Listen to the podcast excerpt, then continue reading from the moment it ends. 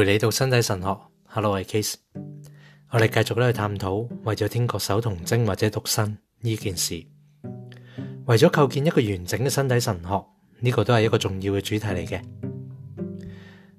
基督谈基督谈论咗为天国守贞，喺一段言论嘅直接预警入边，基督作咗一个好重要嘅比较，呢个进一步肯定我哋嘅信念，佢希望有道听众嘅思想。从而俾佢哋明白，选择守贞嘅呼召系深深咁样扎根喺在世生活嘅现实。事实上，佢就列举咗三类嘅阉人。阉人呢个用词啊，系指身体有缺陷啦，以至冇办法喺婚姻生活入边生育嘅人。首两类嘅阉人就系身体有缺陷嘅人。第一类系生嚟就有咁样嘅缺陷嘅。即系耶稣所话，有啲阉人从母胎生出嚟就系咁啦。而第二类嘅咧，就即系后天同埋人为所致嘅。即系耶稣所话，有啲阉人咧系被人阉嘅。两者皆系外来同埋迫于无奈嘅，亦即系话佢哋唔系自愿如此过活。基督继而咧去谈论嗰啲为天国而自阉嘅，咁喺马太福音十九章啦。视为第三类嘅阉人，佢作出咁样嘅比较，指出其中嘅区别，确实系要强调第三类嘅阉人具有自愿同埋超性嘅本质。呢一类嘅阉人系自愿嘅，因为佢哋系自阉嘅；佢哋系超性嘅，因为佢哋系为天国而咁样做。呢个区别非常显明有力，然而所作嘅比较同样有力同全神啦。基督嘅说话对象。并冇从旧约嘅传统入边去认识独身或者守童贞嘅理想。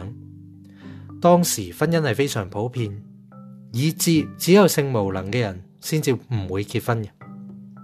同时喺马太福十九章十到十二节入边，基督俾门徒嘅回应喺某些方面呢系针对整个旧约传统嘅。为咗确认呢一点，我哋咧去引用下诗斯记嘅一个例子。但我哋唔系诉诸其中嘅情节，而系诉诸其中记载嘅重要说话。喺《史诗记》入边嘅耶弗他，佢向上主许愿之后，佢嘅女儿得知自己将要因为父亲嘅誓愿而被献作祭品。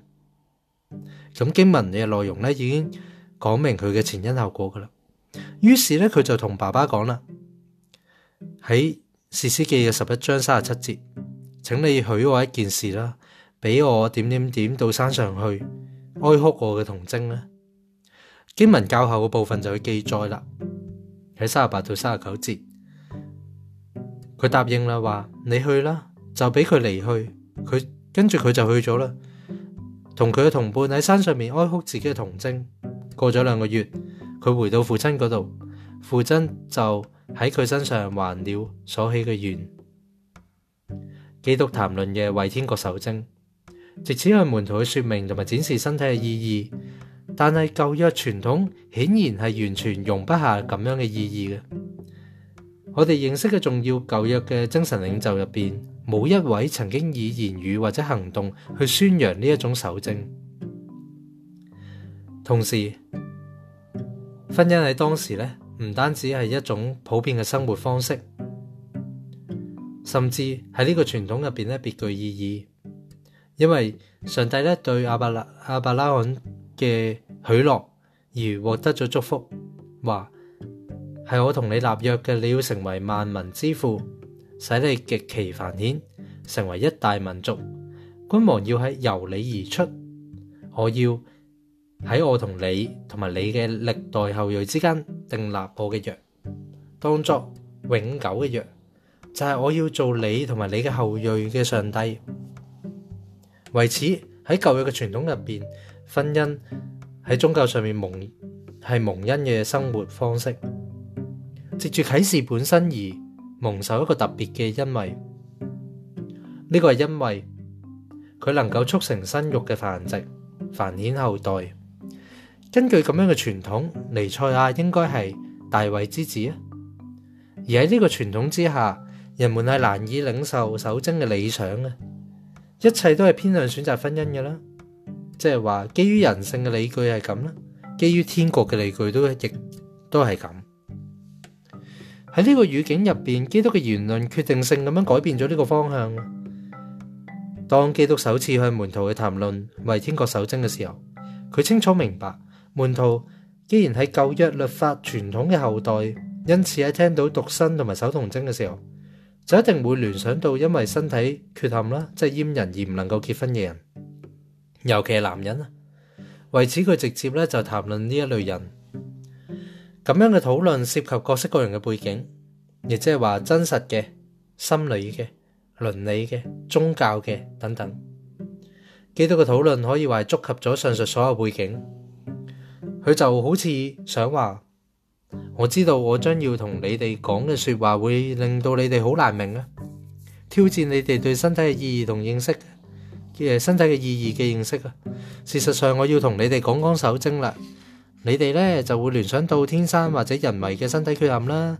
相反咧，我就要话俾你哋知，手精都可以系自愿噶，人可以为咗天国而做咁样嘅选择噶，就好似咁样样。马太福第十九章。并冇记载门徒嘅即时反应，我哋只能够喺后来嘅仕徒著作入边揾到咁样嘅记载，尤其啊系喺保罗嘅著作，咁就参考翻，哥唔多前书七章廿五节到四十节啦，或者启示录嘅十四章四节啦。呢个事实确认咗耶稣嘅第一代门徒对呢番嘅说话印象深刻啊，且呢番嘅话喺教会入边或者喺教会外都系。各个时代嘅诶灵修嘅圣人身上咧，都不断藉住多种方式咧结出美果。同旧约嘅传统相比，所启示嘅身体意义系崭新嘅。因此喺神学嘅角度嚟讲，呢个就系所启示嘅身体意义而言，呢啲言论系一个转捩点嚟嘅。有关呢个言论嘅分析显示，佢虽然简短，但系非常精确同埋充实。到之后分析咧，保罗喺哥林多前书第七章嘅时候咧，呢一点会更加显明啊！基督谈基督谈论咗为咗天国而守贞，基督希望借此强调，如果人喺也娶也嫁嘅现世生活，有意识咁去选择守贞咧，呢种生活方式就系具有独特嘅超性嘅一个诶向导啊！即使。呢个系有意识嘅选择同埋个人嘅决定，但系如果守贞缺乏咗咁样嘅一个终极嘅向度呢，就唔属于上述基督基督言论所指嘅啦。